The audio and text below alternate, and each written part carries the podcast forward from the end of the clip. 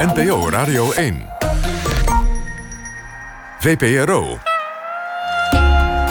Nooit meer slapen.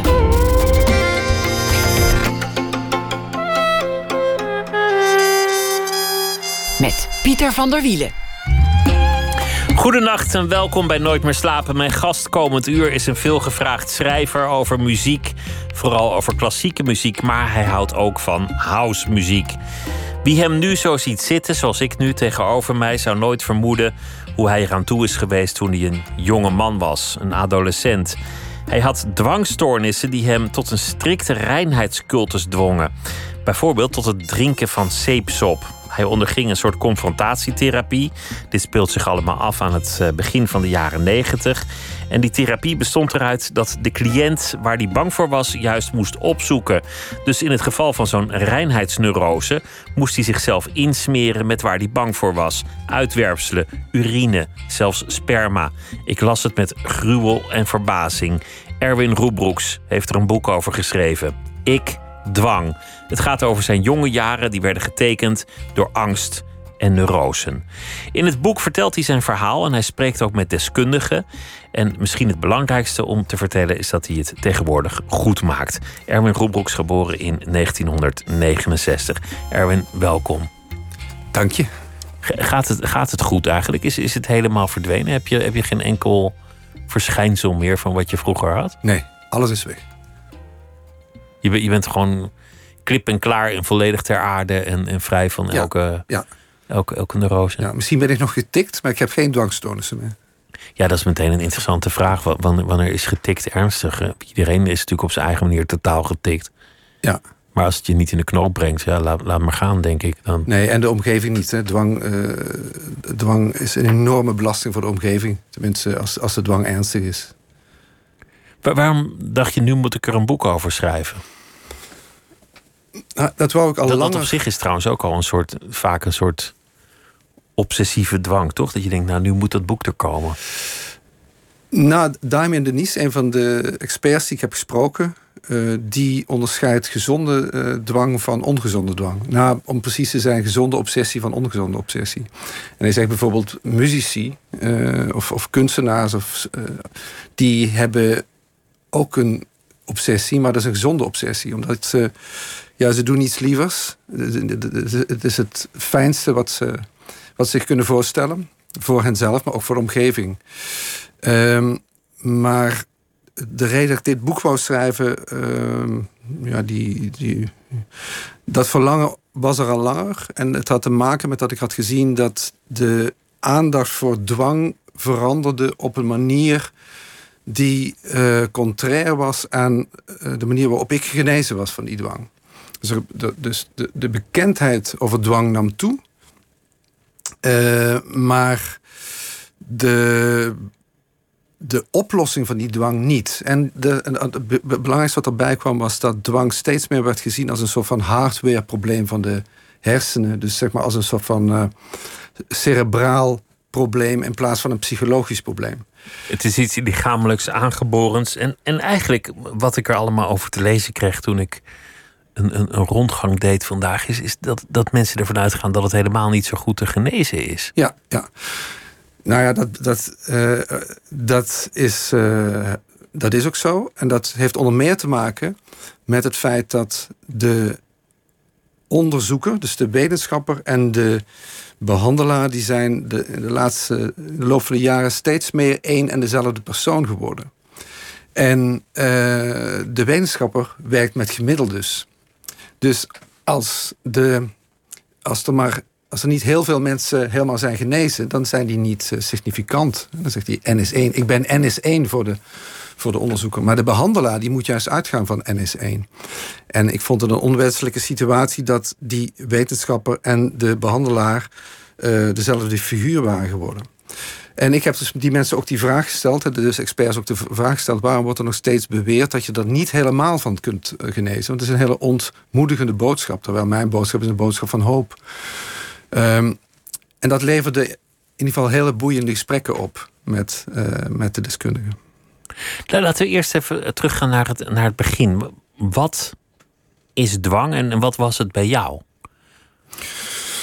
Wanneer kwam jij erachter als jongeman dat, dat, er, dat er iets misschien meer was dan gewoon een, een gezonde obsessie, dat het ongezond was geworden? Nou, dat was echt een moment dat mijn brein echt op slot raakte.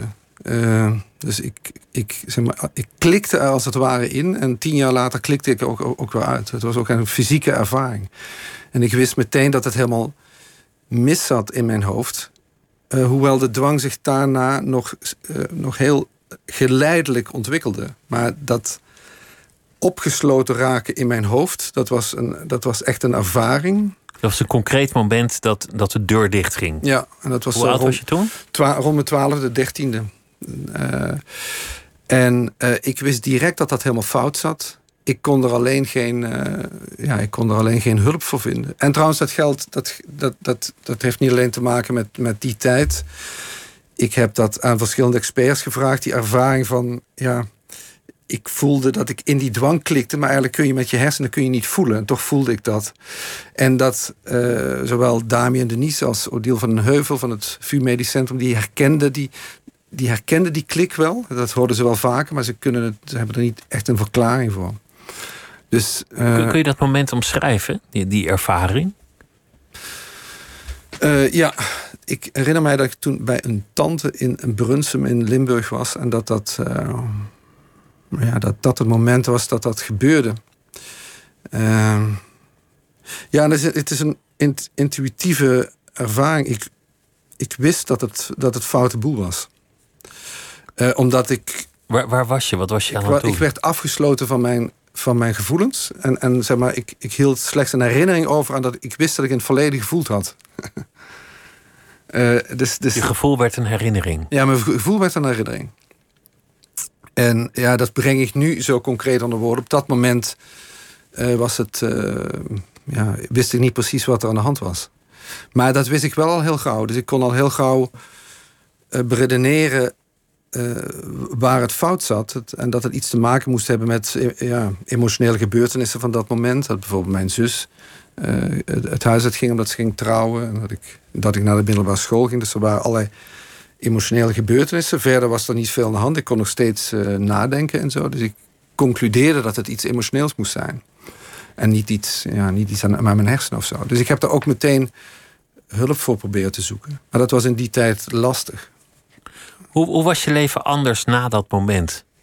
Nadat je gevoel een herinnering was geworden en die spreekwoordelijke deur dicht was geklapt. Nou, ik moest direct. Ik moest direct. Uh, ik werd direct. Het, het werd direct heel strikt in mijn hoofd. Dus ik moest. Uh, uh, dingen heel precies gaan neerleggen op mijn kamer. Die moest, mijn kamer moest op een bepaalde manier opgeruimd zijn. Ik moest op, op gezette momenten naar bed. dus op, op, op tien over half tien elke dag naar bed. En ik wist niet waarom ik dat moest. En ik wist hoe vreemd het was. Maar ik kon er niet aan, ik, ik kon er niet weerstaan. En het probleem daar, van dat soort gedrag is, dus dat was eigenlijk heel. Ja, ik was gewoon eigenlijk een nette jongen. Dus zo komt het over. Je, je bent een geordend persoon. Precies, komt op, een regelmatig dus, persoon. Niemand herkende het problematische ervan. En dat werd steeds strikter en, uh, en steeds meer en steeds erger. En uh, zo werkt dwang. Het, is gewoon een, uh, ja, het breidt zich gewoon uit, net als een verslaving. Dus hoe meer je doet, hoe meer het wordt. En wat gebeurde er als je er niet aan gehoorzaamde of als het niet lukte, om wat voor reden dan ook? Uh, dat wist ik niet. dan zou er iets vreselijks gebeuren. Er was echt een angst verbonden aan ja, zo'n tijdstip. Ja. Wat dat was, wist ik niet. Um, maar in ieder geval kon ik het niet, kon ik het niet nalaten om die reden. En ja, ik had erachter kunnen komen door ermee te stoppen, maar dat is nou juist het probleem bij. Dat durf je dan niet? Dat... Ja, durven is. is, is uh, durven is niet het woord, denk ik. Het, het, het kwam ook niet bij me op. Dus, uh, het is niet zo dat ik, dat ik twijfelde, dat ik dacht: zal ik het nu eens laten? Maar de, de, de angst is permanent aanwezig en daarom valt hij niet meer op. Um, dus die, het is een angst die je dan drijft om dat uh, gedrag te blijven voortzetten, zodat de angst niet nog groter wordt. Er was niet een ik die losstond van de angst, die had kunnen denken: we gaan eens kijken wat we tegen die angst kunnen doen. Je hele brein was er, was er door. Jawel, die was er wel. Want ik, ik heb direct hulp gezocht en ik wist dat dit niet mijn probleem was. Dat dit een symptoom was van mijn probleem. Maar wat, wat dat probleem was, daar kon ik alleen maar door achterkomen als ik zou stoppen met die dwang. En dat kon ik niet, want er zou iets ernstigs gebeuren. Daarvoor zocht ik hulp. Maar je kon het wel rationaliseren. Je kon het wel zelf onder woorden brengen. Ja, dat kon ik wel. Ja, ja, ja. Maar, de, de, maar de herinnering aan het ik, dat was. Of eh, zeg maar, de ik, dat was echt iets uit het verleden. Dus dat maakte het voor mij ook zo heftig. Er was met terugwerkende kracht. Hè, er was, ik dacht dat ik helemaal was afgesloten van mijn gevoel, maar er was nog alleen maar angst. Dat was het enige gevoel dat, dat over was. En alle andere gevoelens herinner, herinnerde ik me op dat moment. Vanaf dat moment. Hoe groot was het? Was er nog ruimte voor andere dingen in je hoofd? Of was dit alomtegenwoordig? Ehm, ja, er was, er, er was nogal ruimte voor andere dingen in, in mijn hoofd. Alleen ging het vrij snel, het, eh, werd het steeds erger. Maar het duurde pas, het duurde, die hadden ook die andere dingen, oh, die, ja, ik heb ze allemaal gehad, teldwang en allerlei dwangen die niet opvielen, die zich alleen maar in mijn hoofd afspeelden. Wat, wat is er met teldwang? Wat, wat gebeurt er Nou, dan? dan moest ik eh, eh, op. Ik moest dan eh, bepaalde zeven keer eh, over mijn pennenmap wrijven, bijvoorbeeld voordat die schoon was. Dus dan had het hele opruimen en poetsen te maken met dat ik bepaalde objecten of bepaalde handelingen moest herhalen. En ja, dat zijn dan zo'n complexe systemen. Ik heb, ze ook nog, ik heb ze ook nog moeten teruglezen in mijn medisch dossier om ze allemaal erbij te halen. Omdat zodra die functie verviel bij mij, later dan in die, in die behandeling, vervallen ook al die dwangen. Dus er vervalt ook al die, eh, die precieze herinnering aan de concrete dwangen.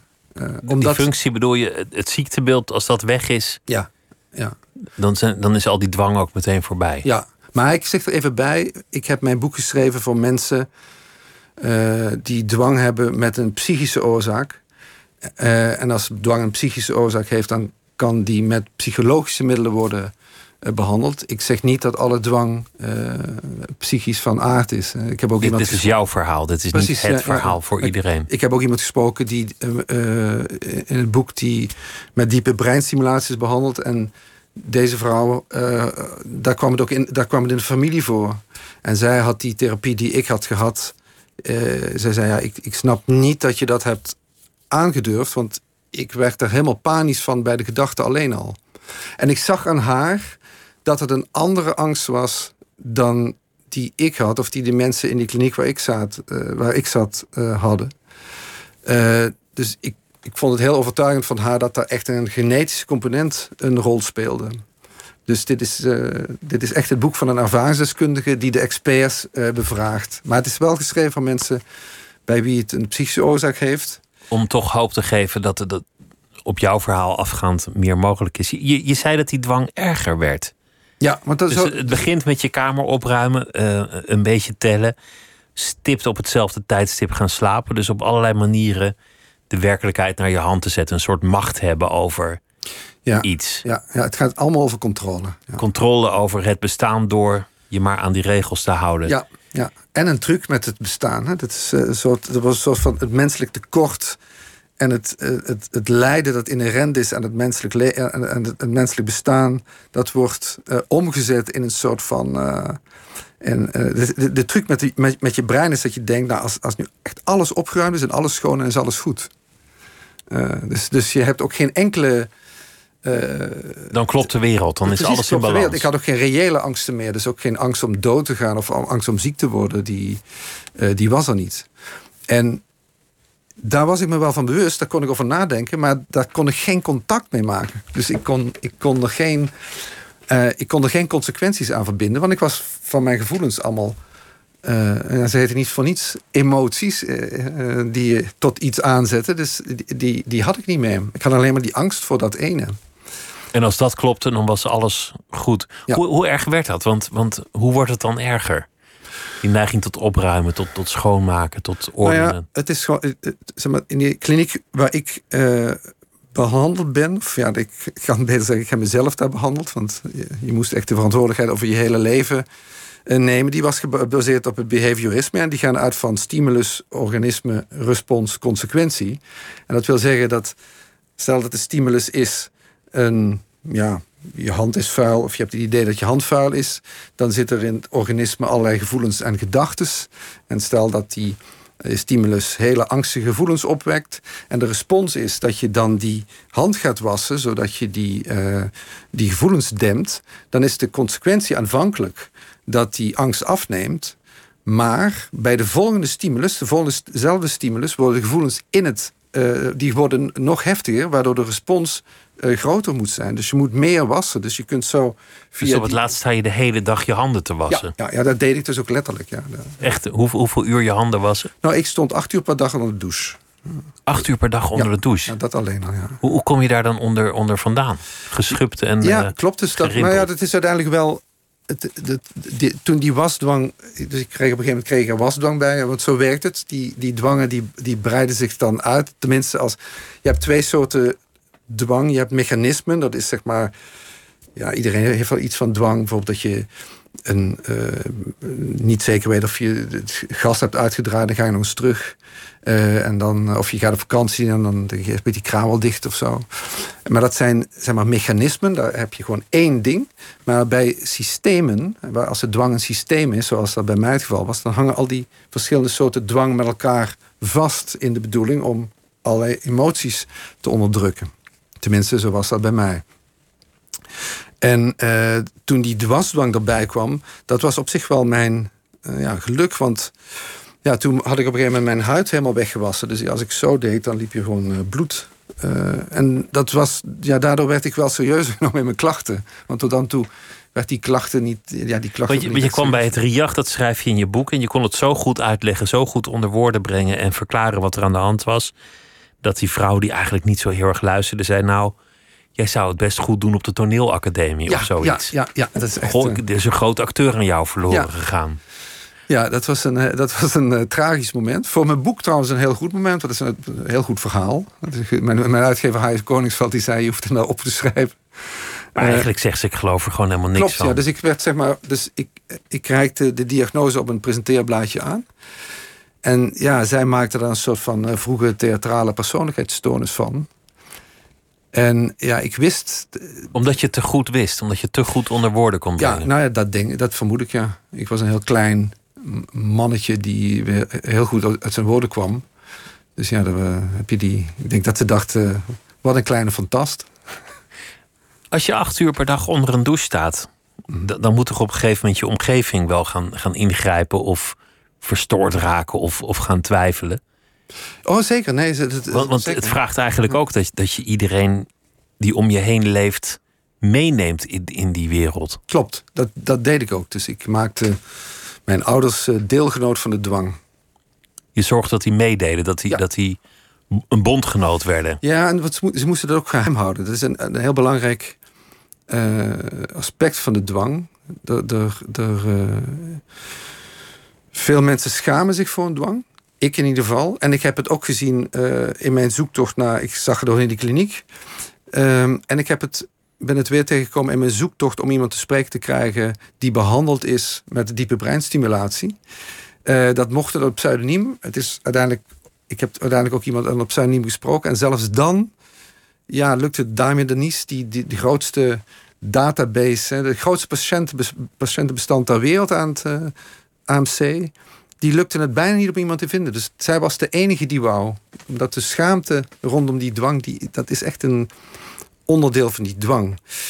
Um, Want je schrijft ook dat als de dwang bij mensen weg is, dat dan vaak de relatie uitgaat. Omdat mensen zijn meegegroeid in die dwang. Ja. Bondgenoot zijn geworden van de dwang. Ja. En dat die relatie totaal herzien moet worden als die dwang er niet meer is. Ja, heel vaak uh, imploderen uh, relaties of gezinnen of uh, ja, welke sociale orde dan ook. Omdat die. Uh, nou, daar is nog niet veel, er is nog niet veel onderzoek naar gedaan. Maar um, kijk, ik, ik heb vanuit, vanuit de kliniek waar ik zat, heb ik zowel die geheimhouding moeten doorbreken. als mijn gedrag naar iedereen in het gezin goed maken. Dus ik moest met een therapeut door want mijn je door... terroriseert eigenlijk Precies. je hele omgeving van jullie moeten meedoen. Ja, en dat, uh, dat doen niet alle. Ik wil niet zeggen dat alle mensen met dwang dat doen hoor, maar wel veel. En ik vond het ook wel belangrijk dat dat aspect eens naar buiten komt. Want zeg maar, wat wij vaak zien van de dwang is zo van. Ja, als je het dan in de, in de drama-driehoek van slachtoffer, aanklager en redder ziet, dan zie je. Dwang wordt in de media vaak naar gebruik gebracht als iets van het slachtoffer. God, is het niet vreselijk dat ik dit heb? En als ik dit niet had, dan was mijn leven zo goed. Maar in de praktijk is het vaak de aanklager. Dus ik zorgde, gewoon- ik, ik, ik, liet, ik zorgde gewoon dat mijn ouders gingen meepoetsen. Op de manier dat ik dat wou. En dat eh, kon ik heel goed. Want je dat- had de macht, je was manipulatief. Klopt, ja, ja, ja, ja. Of je dwang was manipulatief, hoe, hoe je dat ziet. Nou ja, ik was natuurlijk toen nog een kind, maar ik heb achteraf als volwassene verantwoordelijkheid genomen door, dat, door naar iedereen goed te maken. Eh, maar alvorens moest, daarvoor moest ik nog de dwang, de geheimhouding doorbreken. Dus ik moest met zo'n therapeut uit mijn kliniek door mijn dorp wandelen. En dan tegen iedereen die ik tegenkwam vertellen wie hij was. Nou ja, in mijn dorp hoef je dat maar bij één iemand te doen. Dan weet het hele dorp. En, dan zei je, ik ben Erwin en dit is mijn, mijn therapeut, want ik heb een dwangneurose. ja, en ik zit nu in het gekkenhuis. En ik zit nu in het gekkenhuis, dan weten jullie het vast. Ja. Onorthodox. Je kunt het ook omdraaien. Je kunt ook zeggen dat, dat mensen jou niet geholpen hebben door jouw dwingelandij niet te weerstaan. Of zie je dat niet zo? Ja, ja, nou, ja, nou ja, dat klopt. Dus het is een. eh, ehm, het is opvallend dat mensen in de omgeving van eh, mensen met dwang gaan meedwangen. Hè, dat is wel een werkwoord. Want bij andere aandoeningen zie je dat niet. Dus je ziet bijvoorbeeld niet dat een, eh, dat een, een moeder van een versla de heroïneverslaafde dochter heroïne gaat leveren aan de, dochter. Want iedereen weet wel dat, het niet dat, dat, dat, dat de verslaving versterkt. En bij dwang werkt dat ook zo. Maar het is wel belangrijk om, dat, eh, om de verantwoordelijkheid daarvoor als dwangpatiënt te nemen. Ook al ben je ziek. Dat is toch echt de helft van mijn redding geweest. Bij Die overal. verantwoordelijkheid is nodig om te genezen. Jij Ja. moet alle verantwoordelijkheid voor alles wat er gebeurd is dragen. Ja. Of dat helemaal terecht is of niet zijn tweede. Maar het is nodig voor jouw genezing dat je de dader bent. Eh, ja, ja daar, kijk, bij, bij, die, bij overal de kliniek waar ik eh, heb gezeten, zeiden ze dat het kernprobleem van mensen met, die daar zitten, mensen met de, de kliniek was gespecialiseerd in dwang en fobieën, is dat ze de verantwoordelijkheid over het eigen leven zijn kwijtgeraakt en dat zij hun helpen om die verantwoordelijkheid weer te nemen. En als dat lukt, is 50% van het probleem opgelost. En daar ben ik het mee eens. Dus ik, ik, eh, eh, terwijl dat is nu een beetje eh, verdwenen uit de hulpverlening. Je ziet een soort van. er is een zachte heelmeestercultuur ontstaan. En er zijn, ja, dit is een soort van. Zodra er iets. De, de, de- dus de bekendheid van de dwangstoornis is enorm toegenomen. Iedereen weet wel wat dwang is. Het is soms ook wel zo'n werkwoord geworden. Zoals mensen wel zeggen dat als ze zich somber voelen, dat ze depressief zijn. Zo is iemand die een beetje precies is, die, eh, die, die krijgt al gauw het, woord dwang naar zijn hoofd. Eh, maar het is.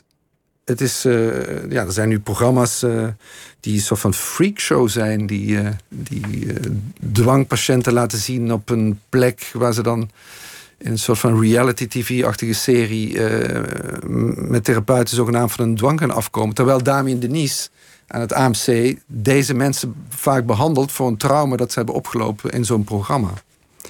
Maar wa- wat jij vertelt over het programma dat jij onderging, je bent, je bent er best positief over, dat, dat, dat las ik met, met grote verbazing. En, en ik, ben- ik ben geen psychiater, ik heb, ik heb er helemaal geen verstand van, maar jij had een enorme reinheidsfobie.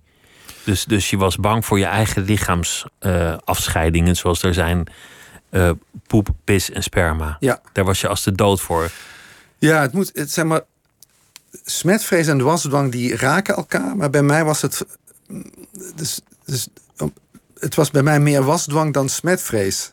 Ja, dat is, misschien voert het wat te ver om, om daar uitgebreid op in te gaan. Maar ik moest dat allemaal volgens een bepaald systeem eh, zorgen dat zich dat niet verspreidde. Ja. Dus naar de wc gaan, dat was een, was een heel ritueel, want je, je was bang voor je eigen urine. Ja, ja, ja, ja, ja, ja. Ja, dat was allemaal heel lastig. En dan kom je daar in, in die kliniek en daar zeggen ze, nou, we gaan die, die angsten actief opzoeken. Ja, En je krijgt een plantenspuit ja, en die moet je vullen met alles waar je bang voor bent. Dus, dus poep, pis en sperma. ja. En wat moest je dan doen? Nou, je moest allereerst je. ehm, je de- zeg maar, die, die kamers in de kliniek zijn daarvoor gebouwd. Dus die, eh, die kunnen van buitenaf kunnen de kranen worden dichtgedraaid. Zodat je geen water hebt. Dus dat je ook, mocht je, eh, mocht je de, de, de, de wasneiging krijgen. Dat is het enige waar de eh, verantwoordelijkheid ehm, zeg maar, wordt genomen vanuit die kliniek. Je moest jezelf met, die, met, die, met het vocht inspuiten Bevuilen. bevuilen. En dan, en dan je kamer, de, de eigen kamer die je had. En dan uiteindelijk was er, zeg maar, zo werkt dat in het hoofd van uh, dwangneurotici. Dan is er nog zo van wat zij noemen een escape. Er was dan nog één schone plek op aarde. Dat was mijn ouderlijk huis, tenminste waar ik toen nog woonde. En daar moest ik dan met die therapeut heen. En dan moest ik van de kelder tot de zolder moest ik uh, elke ruimte inspuiten. Zodat voor mijn gevoel de hele wereld besmet was. Dus je moest je ouderlijk huis ook helemaal bevuilen met, ja. Met kak en urine? Nou ja, het is natuurlijk een, een, een super kleine uh, dosering. Maar voor mijn gevoel was het gewoon uh, was, was alles zo smerig als maar zijn kon. Maar dat is ook ongezond als je dat op jezelf smeert. Je kan, je kan Nou als, ja. als je een wondje hebt of infecties of... Nou, zeepsop drinken is toch nog ongezonder hoor. Want, want zo erg was je vle- vlekvrees geworden dat je zeepsop dronk om jezelf van binnen te reinigen. Ja, ja. Maar je, je kreeg op een gegeven moment schrijf je ontstoken ogen. Ja, omdat eh, wat je ook moest doen is, ik moest die spullen ook, eh, dat, goedje ook, die goedjes ook allemaal oplossen in een bepaalde crème die je heel moeilijk kunt eh, wegwassen, mocht je toch nog ergens water vinden.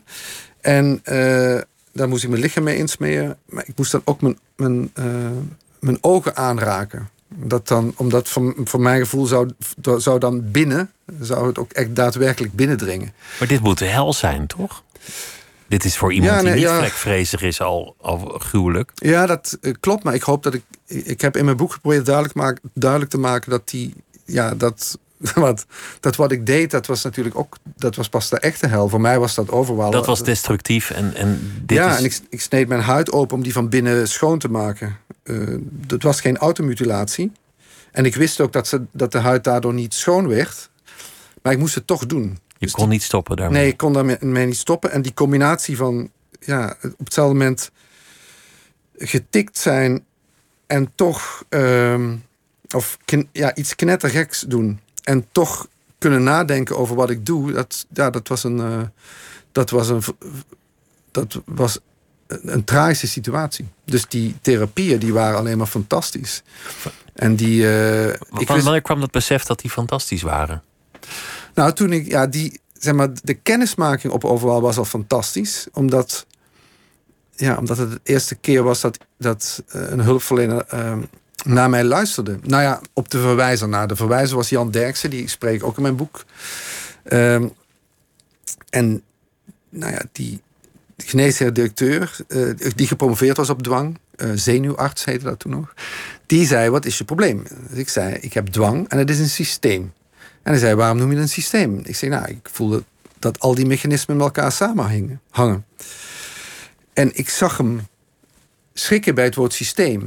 Ehm, en toen bleek dat dat ook hun terminologie was, wat ik helemaal niet wist. Ik kreeg daar een enorme boost van, dat die woorden die ik zelf had bedacht, dat die in het jargon, ehm, ook de, ook de, ik had altijd iets met taal, ik heb nog steeds met taal, dat dat eh, Dat het echt bestond, dat het dat is echt bestond, ja, ja, ja. En, eh, en toen zei hij, eh, nou ja, uiteindelijk kwamen mijn ouders erbij. En die zei hij, nou ja, ik was er eigenlijk te ernstig aan toe voor de kliniek, voor de kliniek ook. En dat ik eigenlijk al op mijn dertiende opgenomen had moeten worden. En eh, nou ja, dat was voor mij een soort van... eh, ja, ik werd er heel erg blij van. Dus ik kreeg een enorme motivatie. Omdat ik, ik zei dat al op mijn dertiende, maar niemand luisterde. En ze gingen je helpen, maar die therapie bestaat niet meer, toch? Het, het insmeren met de plantenspuit en het op, op- opzoeken van de angst. Ja, nou ja, Want je schrijft ook bijvoorbeeld als iemand een sociale fobie heeft, dan moet hij juist hele gênante dingen doen. ja, Een pakje condooms vijf keer ruilen bij de drogist. Zo van, nou, dan heb je die angst overwonnen en door. Nou, vooral, vooral het broodsnijden, dat, dat werd lastig gevonden door zulke mensen. Dus dan eh, moesten bij een bakker een brood kopen en bij een andere bakker vragen om te laten snijden. Ja, dat is voor, Dat is gênant voor sommige dat is voor mensen. iedereen gênant, lijkt me. Ja. Eh, dus ze dus zij verzonnen van dat soort... fanta- de, de gedachte was... eh, het uitgangspunt van de kliniek was dat die fobieën of die dwang... dat dat niet het eigenlijk probleem was. Maar als je, als je dat systeem maar... eh, of, of die, dat mechanisme maar radicaal verstoorde... dat je dan aanvankelijk de angst zou toenemen... maar als je het volhield, dan zou uiteindelijk de angst zakken... en kom je erachter wat, wat er echt aan de hand is. Dat was de theorie. en bij jou en die, heeft dat eh, gewerkt. Ja, bij mij heeft het- dat gewerkt. Maar om, om nog antwoord te geven op je vraag of het niet meer bestaat. Het is ehm, in, in, eh, in Scandinavië wordt er, ik wil dat beschrijven ook in de boeken, er, is een nieuwe therapie ontwikkeld die eigenlijk hiervan uitgaat. Dus die uitgaat van het, ehm, van het eh, blootstellen aan dit soort stimuli. En eh, het interessante is dat ik niet heb kunnen achterhalen waarom Overwaal er bijvoorbeeld op die radicale manier mee is gestopt. Dus er wordt gesproken van er gaan golf... Overwaal is de kliniek. Overwaal is die kliniek. Uh, er werd gesproken van er gaan golfbewegingen door de kliniek heen. Uh, waardoor dan, dan is wens nurture dominant en dan nature weer dominant. En het feit dat dat dus niet is gevoed, dus dat het stoppen met die therapie, dus kennelijk niet is gevoed door uh, ja, onderzoek, dat zegt natuurlijk iets. Maar, maar was dit wel gebaseerd op onderzoek? Dit, dit klinkt ook niet echt alsof het uit, uh, uit de Lancet kwam, wat, wat je net beschreef. uh, uh, zeker. Het goede van, die, het goede van de overwal was dat het een kliniek was die werd gevoed door wetenschappelijk onderzoek. Maar de behandelaars waren echte behandelaars. Dus dat, die waren zeker niet en Het was niet dat ze maar wat deden. Nee, zeker niet. Nou, in tegendeel, Damien Denise, die dit, die dit helemaal niet kende, dat ze dat toen deden, die zegt, die zegt ook in mijn boek van, ze waren hun tijd wel ver vooruit daar. Dus uh, de, de, de reden dat die, uh, die, uh, ja, die echte behaviorisme, die behavioristische therapie niet meer wordt gegeven, lijkt iets te maken te hebben met deze tijd. Waarin, ja, zodra er iets van ongemakkelijk gevoel ontstaat, dan stoppen we maar. Maar ik moet dat tegelijk. Ik wil geen enkele behandelaar uh, of, of, of, uh, of, onderzoeker uh, bekritiseren. Het belangrijkste is dat, die, dat de geldstromen zodanig zijn veranderd. Zorgverzekeraars eisen nu kortdurende behandelingen. En, en klinieken en behandelaars worden afgerekend op het effect van die behandeling. Niet op het begrip. Dus effect gaat boven begrip. En wat, dus, wat bedoel je met begrip? Nou, dan wordt dus gezegd, die dwang moet weg. Uh, weg ermee. En dan moet heel, heel kort, dan moet die dwang uh, voorbij zijn. Dan kun je dat zo afvinken en dan krijg je betaald.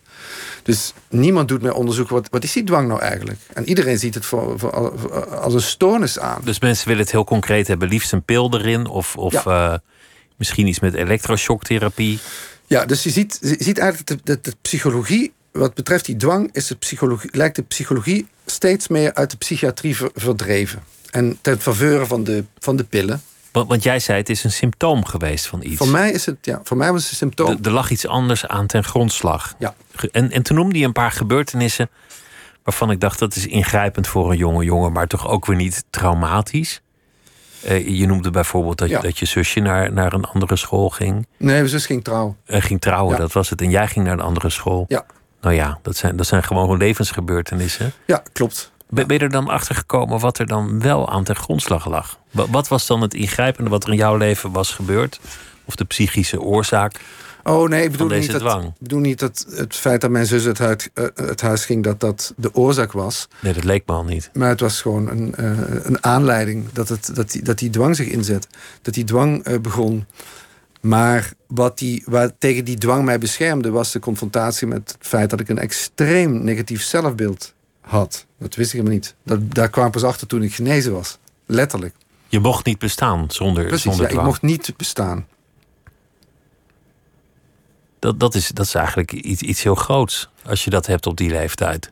Nou, ik wist het natuurlijk niet. Daarom, uh, daarom behandel ik in mijn boek ook. Uh, kijk, het is een hele. Ik vind het een vreemde tendens. Dat er wordt gezegd dat dwang maar weg moet. Dat iets weg moet wat je niet begrijpt. Het lijkt wel. Het zit je in de weg, we moeten ja, er vanaf. Wat sommige mensen over moderne kunst vinden. Ik snap het niet, dus doe, doe maar weg. Dus dat is een beetje de tendens die je ook met uh, dwang hebt. Van, we, we, we, begrijpen het niet, maar het is een stoornis. Uh, uh, de, doe maar weg daarmee. Terwijl, ja, dwang heeft mij heel veel gebracht. ik, ik bedoel, ik, het is geen pleidooi voor dwang. Hè? Het is wel een pleidooi voor, de, voor psychologie. En nou, toen ik dus in die veilige omgeving van die kliniek uiteindelijk helemaal genezen was, toen besefte ik wat voor een uh, negatief zelfbeeld ik had. En besefte tegelijkertijd dat die dwang mij had beschermd tegen bijvoorbeeld suïcide. Dus uh, het was een soort van. Uh, die dwang heeft mij veiligheid geboden toen ik die. ja, terwijl ik niet wist dat ik die nodig had. Dat was allemaal iets onbewust. Kun je dat verklaren, dat, dat negatieve zelfbeeld? Wat dat, wat dat eigenlijk was achteraf? Want, want zoals we aan het begin zeiden, nu ben je in goede doen en kijk je, kijk je terug op al die gebeurtenissen. Ja. Heb je dan eigenlijk een visie op jezelf als jongeman waar dat vandaan kwam? Dat je, dat je niet mocht bestaan van jezelf? Uh, ja, dat heb ik, uh, dat heb ik wel. Uh, ik, heb, ja, ik heb me al. ik heb me vaak niet serieus genomen gevoeld, maar als kind. Maar. Ehm, nou ja, ik, ik heb daar daarna gewoon echt heel hard aan. Het was echt een moment dat ik dat. Het mooie van die therapie is, van die therapie was dat het zo'n radicale therapie was. Maar omdat het zo gebaseerd was op echt, echte biologische principes. Hè, gewoon Skinner Pavlov. Wat, wat, wat, waar ook proeven in het verleden met dieren werden gedaan. Die werden hier eigenlijk gewoon soort van op mensen. Het werkt, want het is ook wel eens. We hebben het anders. Uh, we hebben het op een andere wijze vastgesteld. Dat je steeds op een hele nuchtere wijze in contact kwam met nieuwe ervaringen in jezelf. Dus toen ik, ja, ik, dat moment dat ik, uh, dat ik letterlijk genezen was, toen toen uh, drong uh, het verlangen zich aan mij op van dat ik mij op de minst milieubelastende wijze van het leven moest beroven. Of dat ik moest gaan proberen iets te maken van mijn leven. Dus die keuze zag ik heel helder, zonder drama, heel nuchter voor me. Want het was een hele ja, dat was een, heel, het was een hele nuchtere therapie. Dus of je moest het leven verdienen, of, of je moest het met zo min mogelijk schade beëindigen, zodat niemand er last van nee, verdienen is weer. De verdienen, dat, dat heeft, heeft iets moreels. Het was gewoon echt zo nuchter dat het was, het was dood of ja, proberen eraan te werken. En ja, ik ben gewoon eraan gaan werken. En ik weet het, het eerste wat ik deed, ik vroeg aan iemand in de kliniek of die mij aardig vond. En het antwoord was ja. En ik kon het niet geloven. Wat was dat, die, die zelfhaat? Ja, dat, dat, ja, dat, dat, kennelijk heel, uh, dat, dat zat kennelijk heel diep. Daar heb ik heel lang aan gewerkt. Dus dat was nog was moeilijker dan die. Uh, was maar was dat aangeboren? Was dat aangeleerd? Heb je dat nee, het was, niet, ja, het, was, het was wel aangeleerd, denk ik. Ja. ja. Dus misschien. Ja. Uh, nou, ja. N nou ja, het, ik kan, dat, dat heeft zich ongetwijfeld op een hele jeugdige leeftijd uh, ontwikkeld. Als, als, een, als nog jonger kind. Uh, maar ik heb het hersteld. Iets is daar gebeurd in de jeugd waardoor het zo is gegaan dat, dat jij als jongetje jezelf ja, ja. niet kon accepteren. Ja. De, de, je, je, beschrijft iets anders in, in je boek.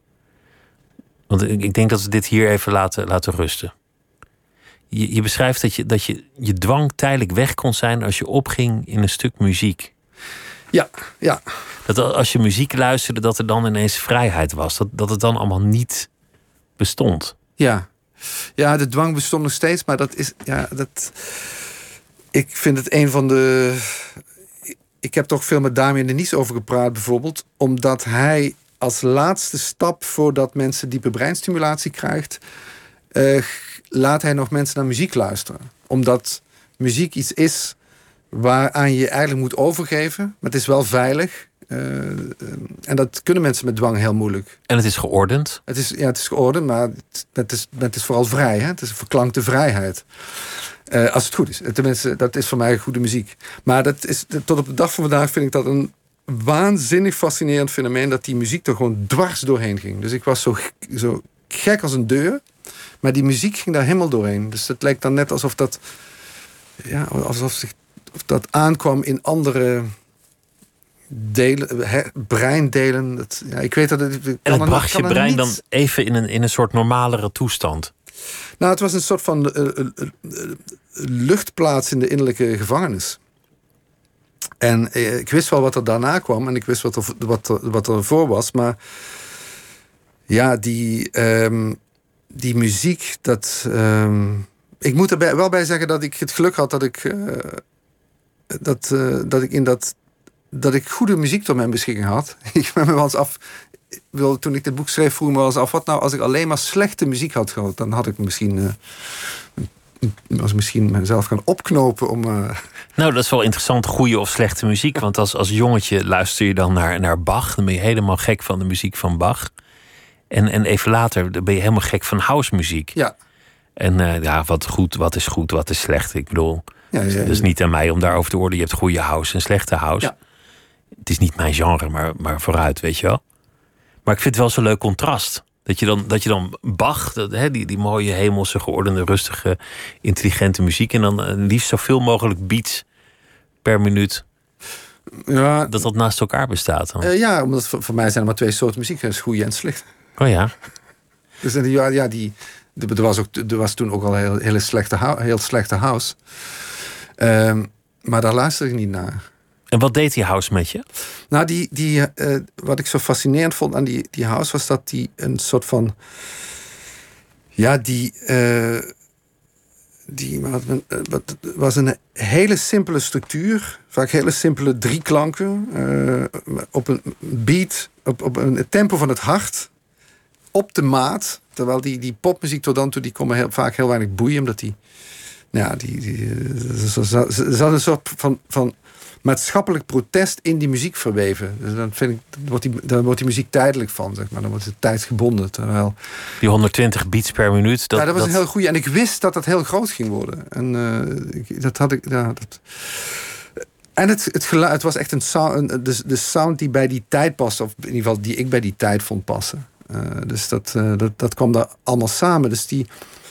Dus die kijk, het, het, het, later bleek ook dat het muziek was die ontstaan was in, uh, in clubs met zwarte homoseksuele Amerikanen. Dus dat het, zeg maar, de, de vrijheid, het vrijheidsverlangen dat ik daarin hoorde, dat bleek er ook daadwerkelijk in te zijn gestopt. Uh, natuurlijk later allemaal wit gewassen. Maar die vroege, ja, die vroege muziek die was zo rauw en zo puur en zo nieuw. Ja, dat was voor mij echt, echt fantastisch. Ik, eh, ik kon natuurlijk helaas niet uh, de, de authentieke uitvoeringspraktijk bijwonen in dampende discotheken en zo. In Detroit? Nee, ja, dat, nee dat, dat, helemaal niet. Maar ik, ik, ik haalde die muziek over de grens in België, dat was het al veel eerder dan in En dan luister je dat thuis zo? Ja, ja, ja.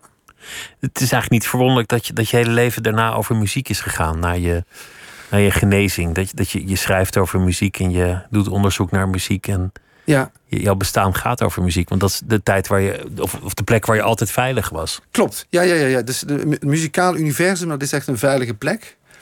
En um, ik pleit ook in mijn boek voor dat, voor dat het belangrijk is dat je. dat je iets doet waar, ja, wat je echt heel graag wil doen.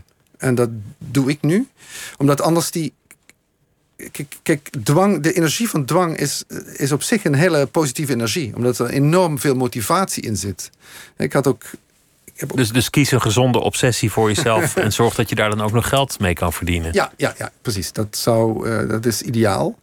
Dus het werk dat ik doe, dat zou ik ook doen als ik niet betaald kreeg, zeg maar. Dus ik, ik heb, ik werk eigenlijk altijd, maar ik heb nooit gevoeld dat ik werk.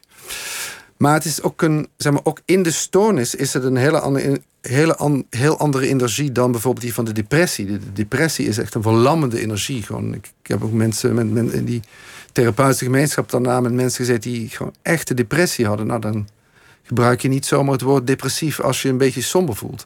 Dus die mensen waren totaal verlamd. Terwijl de dwang, ja, ik, toen ik van die dwang af was, toen kreeg ik zoveel vrije tijd. Terwijl ik nog steeds die energie had. Dus die ik zou wel een pleidooi willen houden voor de, voor de energie van de dwang. Maar om die vervolgens te transformeren naar iets dat, uh, dat leuk Ik bedoel, ik ben, ik ben nog steeds, ik heb nog steeds alle obsessies, maar die hebben dan te maken met, met muziek. En uh, nou, daar word ik heel blij van. En meestal wordt mijn omgeving daar ook blij van. Dat zijn geen stoornissen meer. Je, je had tussen het moment van, van de kliniek en de genezing ergens ook ineens een fase dat je een geslachtsverandering overwoog. Dat je, dat je eigenlijk ervan overtuigd was geraakt dat je, dat je transgender was en dat, dat, je, dat je een operatie moest ondergaan. Ja. En dat plan is nog best ver gevorderd. Ja, dat was uh, net op tijd. Uh, dat kwam net op tijd goed. Dat heb ik eigenlijk nog nooit gehoord. Iemand die zeg maar in het aanschijn van de operatiekamer ineens bedenkt. Nee, dit moet helemaal niet nou, gebeuren. Het was, het, was, het was vlak voor de, de, voordat de hormoontherapie begon. Maar uh, het, de, het genderteam, ik weet niet of het tegenwoordig zo heet, van het VU... Uh, die, zij waren toen pioniers op het gebied van de, wat toen nog transseksualiteit heette. Dus ik was een man naar vrouw transseksueel, zoals dat heette. En ja, wat samenviel met die genezing was dat ik mij opeens, zeg, zeg maar, toch twee weken daarna of zo, voelde ik me opeens vrouw. Dus, en dan, dan niet dat ik me daarvoor een man had gevoeld, maar uh, ja, dit moest, dat zaakje moest weg. Dat was mijn probleem. En dat manifesteerde zich ook echt heel duidelijk aan me. En uh, nou ja, ik had daar. Uh, ja, ik baalde daarvan, want ik, had daar helemaal, ik wou heel andere dingen gaan doen met mijn leven. Dus, dus maar ik heb wel direct op dezelfde voortvarende manier hulp gezocht. En gelukkig waar, was Nederland toen daar heel ver in. Dus ik, ik heb me direct bij dat, uh, bij dat genderteam gemeld. En allerlei, al die onderzoeken meegemaakt die toen nog echt gigantisch waren. En, uh, um, maar op het laatste moment, opeens was het gewoon weg. Gewoon vlak voordat die hormoon. Uh, ik heb ook echt als vrouw moeten leven. Dat was toen. Uh, in, in je, je ging je ook opmaken ja. en, en, en jurken dragen. Ja, dus de, de, dat opmaken, dat, zeg maar, ik, ik begrijp dat het. Dat zij tegenwoordig wat onder vuur liggen, omdat ze nogal echt traditionele vrouwelijke en mannelijke waarden hanteren. Dus ik zag er ook veel bloemetjesjurken bij man en vrouw. Uh, transgenders. Want je, je moest echt duidelijk kiezen. Je kon niet ergens halverwege. Ja, ja, ja, ja. je bevinden. Ja, maar opeens was het voorbij. En toen... Uh, dus ja, ik... Dat klinkt eigenlijk ook weer als een obsessie. Nee, dat klonk. Het was gewoon. Het was, er was eigenlijk helemaal niets aan de hand. Wat er gebeurde was, tenminste, dat dacht ik, en dat werd door hen ook uh, beaamd. Dus ik zei: uh, kan het zijn dat norma normaliter. Nou, laat ik het zo zeggen. De ontwikkelingspsychologie in die tijd ging ervan uit dat als je later dwang krijgt, dan heb je een wat zij noemde sleutelbelevenis gehad. Ergens tussen je zesde en je achttiende maand. Ik weet niet of dat waar is, maar daar, daar ging ze in ieder geval toen wel van uit. En diezelfde ontwikkelingspsychologie ging ervan uit dat je genderidentiteit wordt bepaald tussen je tweede en je vierde levensjaar. Dus ik zei: kan het zo zijn dat mijn genderidentiteit zich nooit heeft gevormd als kleuter, omdat er toen al iets met mij aan de hand was. En omdat ik die ja, die zooi heb hersteld. Dat wat er nu gebeurd is, is dat ik bewust heb meegemaakt dat mijn genderidentiteit zich vormt. Wat je normaal, normaliter als kleuter gewoon onbewust meemaakt. Dus jouw ontwikkeling was stil blijven staan door al jouw psychische problemen. Die ontstaan zijn rond het moment dat je normaal erachter komt wat je bent qua, qua gender. En, en toen heeft die gebeurtenis plaatsgevonden, die, die we verder helemaal niet, uh, niet uitdiepen. Maar dat weet ik ook niet. Die, ja, die jij ook niet weet, maar iets, iets groots is daar gebeurd. En dat, dat haalde je nu in. En daardoor had je ook ineens die zijweg van... ik ben een vrouw, nee, ik ben toch een man. Ja, en toen, was het, en toen zei ze, ja, dat zal het zijn. Zeiden ze bij het VU ziekenhuis. Het is een wonderlijk uh, verhaal. Het, het had, heel lelijk kunnen aflopen als het wat langer had geduurd. Ja, want ze hadden ook een... Uh, um, ze hadden nog niet meegemaakt um, dat in die late fase dit gebeurde. Wel eerder. Of dat ze, ja, mensen hadden, maar ze hadden wel meegemaakt dat, er, dat, het, dat het later nog gebeurde. Dus dat iemand spijt had van die operatie. Hadden een werkgroep spijt op tanten. Nou, daar wilde ik niet bij komen. Dus ik was heel blij dat het achter de rug was. Want ik had er echt ook helemaal geen, uh, ja, ik had er helemaal geen zin in. Maar het was een heel lastig probleem en ik kon er niet omheen.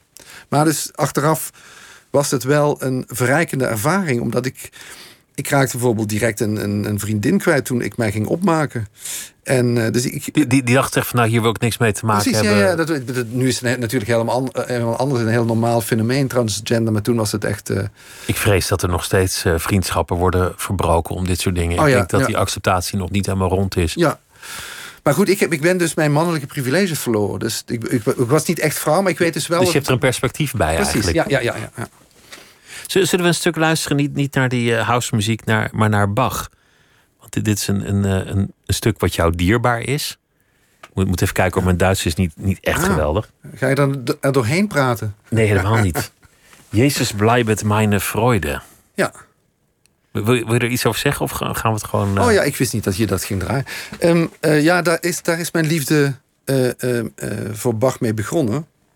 Bewust begonnen. Dat, ik weet dat het was bij de bruiloft, het 50-jarige bruiloftsfeest van mijn opa en oma in Maastricht, in, de, in een kerk. En mijn broer, een van mijn broers, had deze muziek opgenomen. Dus zoals dat toen nog ging, op een cassettebandje. Dus als, als muziek die, die, ja, die, moest, die moest daar kennelijk worden gedraaid. En ik moet die dus als gehoord hebben thuis, want hij had het van een LP thuis. En, maar daar hoorde ik voor, voor het eerst bewust in de sacristie, bij, het, zeg maar, bij, het, bij, bij de bij het kijken of alles erop stond. En ik zie die hele, ik zie er nog allemaal voor me. Ik zie dat cas, die cassette recorder, dat bandje, die sacristie. Dat was echt een moment, ja, dat was echt een moment voor en een moment na Bach. Dat is echt zo'n... Uh... Een openbaring. Ja, ja, ja. We gaan luisteren.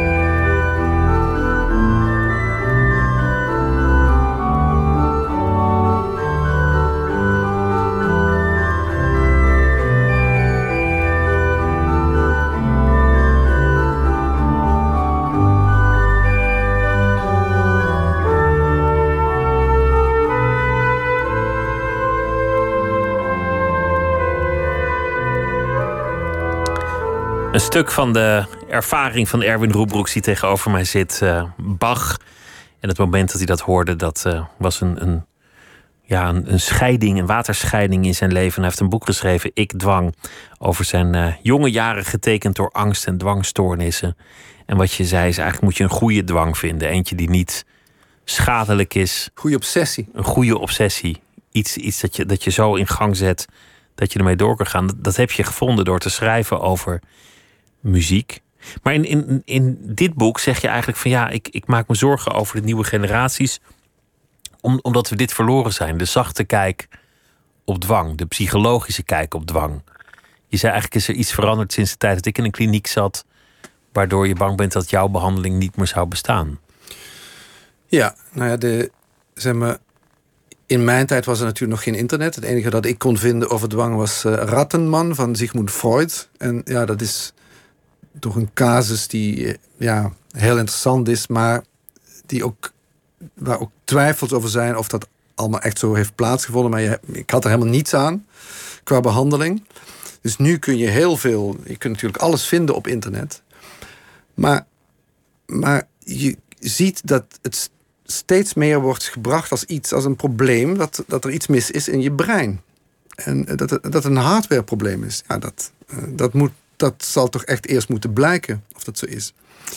Uh, en mijn boek is, uh, laat zien dat je er vanaf kunt komen. Dat je er helemaal vanaf kunt komen. Helemaal? Is, heeft het geen enkel effect meer op je, op je bestaan? Nee, nee. Zou je zeggen van dit, dit is echt volledig verleden tijd. Het is volledig goed. Niks meer aan de hand. Ja. Wat voor verschil heeft het dan uiteindelijk gemaakt om een, na een aantal jaar van je leven gek te zijn geweest? um, ja, ik, kan, ik, ik weet niet of ik dezelfde. Uh, kijk, ik, voor mij is elke dag is uh, reservetijd. Dus elke dag is een geschenk. Dus ik sta elke dag op met het idee: wat zal er vandaag weer eens gebeuren? Zoals mensen die zijn genezen van een, van een ziekte dat ook hebben. Ja, want dat dus van, van, van kanker of zo. Ik was letterlijk afgeschreven. En ook op over werd gezegd van we gaan het met, met hem proberen, maar we weten niet of het lukt. En hij zal zware medicijnen moeten slikken om die angstpieken aan te kunnen, omdat die therapie zo radicaal is. En hij zal er altijd iets aan overhouden. Dus ook voor overwaal was ik een extreem zwaar patiënt. Alleen, ja, ik had het waarschijnlijk het, met terugwerkende kracht het geluk dat ik zo lang niet serieus genomen was. En dat mijn mijn, diagnose, mijn eigen diagnose die ik als kind stelde, die klopte. Dat me dat een enorme motivatieboost gaf. En dat ik zei van, dacht, zei van, uh, ik dacht van, dat zullen we nog wel zien. En dus, uh, ik weet niet uh, of ik dezelfde motivatie had gehad om al die dingen die ik echt wil doen, om die ook echt te, te doen. Ja, dus daar kan ik weinig over zeggen. Ik kan wel zeggen dat de dwang mij uh, niet alleen maar ellende heeft gebracht. En, uh, wat, dus, heeft het voor, wat heeft het voor goeds gebracht uiteindelijk? Nou, het, het, heeft mij, het heeft mij, mij beschermd tegen suïcide bijvoorbeeld. En nou ja, ik denk ook dat ik de, toen ik. Het heeft ook in mijn leven als in mijn gezin een soort van emancipatoire functie gehad. Want uh, ik had een, een, een, zeer bezorgde moeder. En ik ben ervan overtuigd. Ik mocht op een gegeven moment kon ik gaan motocrossen. Alles was beter dan dat ik zat te dwangen. En dus dat heb ik een tijdje nog kunnen doen. En ik ben ervan overtuigd dat als ik geen dwang had gehad, dan had ik van zijn langs zijn leven niet mogen motocrossen. Dus die dwang die, die zette ook van alles in beweging. En uh, Um, ja, dus dat, dat, dat, dat was een heel gunstig uh, effect. Ik had het liever anders gezien. Um, maar uh, mijn boek is vooral een pleidooi om te onderzoeken wat, wat dwang nou is. En dat om weer behandelplannen te maken die zijn afgestemd op het levensverhaal van de patiënt in kwestie. En zich niet zomaar laten leiden door gemiddeldes die blijken uit wetenschappelijk onderzoek. Uh, nogmaals, het is uh, geen enkele aanval op de wetenschap, nog, en ook niet op de. Een zacht pleidooi vanuit, vanuit iemands ervaring. Ja. Ik, vind, ik vind het altijd zo wonderlijk dat, dat mensen die een, een echt significante negatieve ervaring hebben, een auto-ongeluk dat je ten nauwe nood overleeft, een sterfgeval of, of een periode van ziekte, dat ze uiteindelijk vaak zeggen: Het is goed dat dit mij gebeurd is. Het heeft me zoveel geleerd, het heeft me zoveel gebracht. Terwijl je als buitenstaander denkt: nee, het, is, het is natuurlijk een louter negatieve gebeurtenis. Ja. Nee, dat is het, uh, dat is het absoluut niet. Ik, die, die tijd in, uh, in die kliniek die was echt fantastisch. Uh, Ondanks de, de plantenspuit met, met uitwerpselen. Ja, omdat ik een angst in mezelf heb overwonnen. En dat, zeg maar, dat, dat negatieve zelfbeeld, dus die duisternis die ik in mezelf zag. Nou, daar ben ik uitgekomen en sindsdien ben ik ook niet meer bang. Dus ik heb. Je bent vrij van angst. Ja, omdat, nou ja, laat ik het zo zeggen, omdat niets. Ik kan me niet voorstellen dat iets duisterder is dan dat wat ik toen in mezelf zag. Dus die buitenwereld die kan nooit zo bedreigend zijn als, als dat. Dus dat was een hele louterende ervaring om dat zo mee te maken. Dankjewel dat je erover wilde vertellen. Het boek heet uh, Ik Dwang. Erwin Roebroeks, dankjewel dat je langs wilde komen. En het was me genoegen om uh, met je te praten. Morgen dan uh, zit hier Atse de Vriese en die gaat in gesprek met fotograaf Jan Hoek. En dit was Nooit meer slapen voor deze nacht. Zometeen Miss Podcast en ik wens u een hele goede nacht.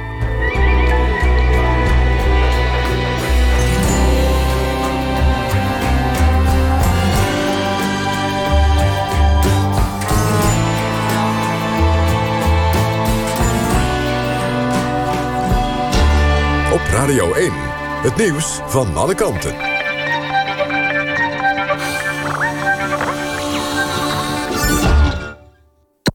NPO Radio 1.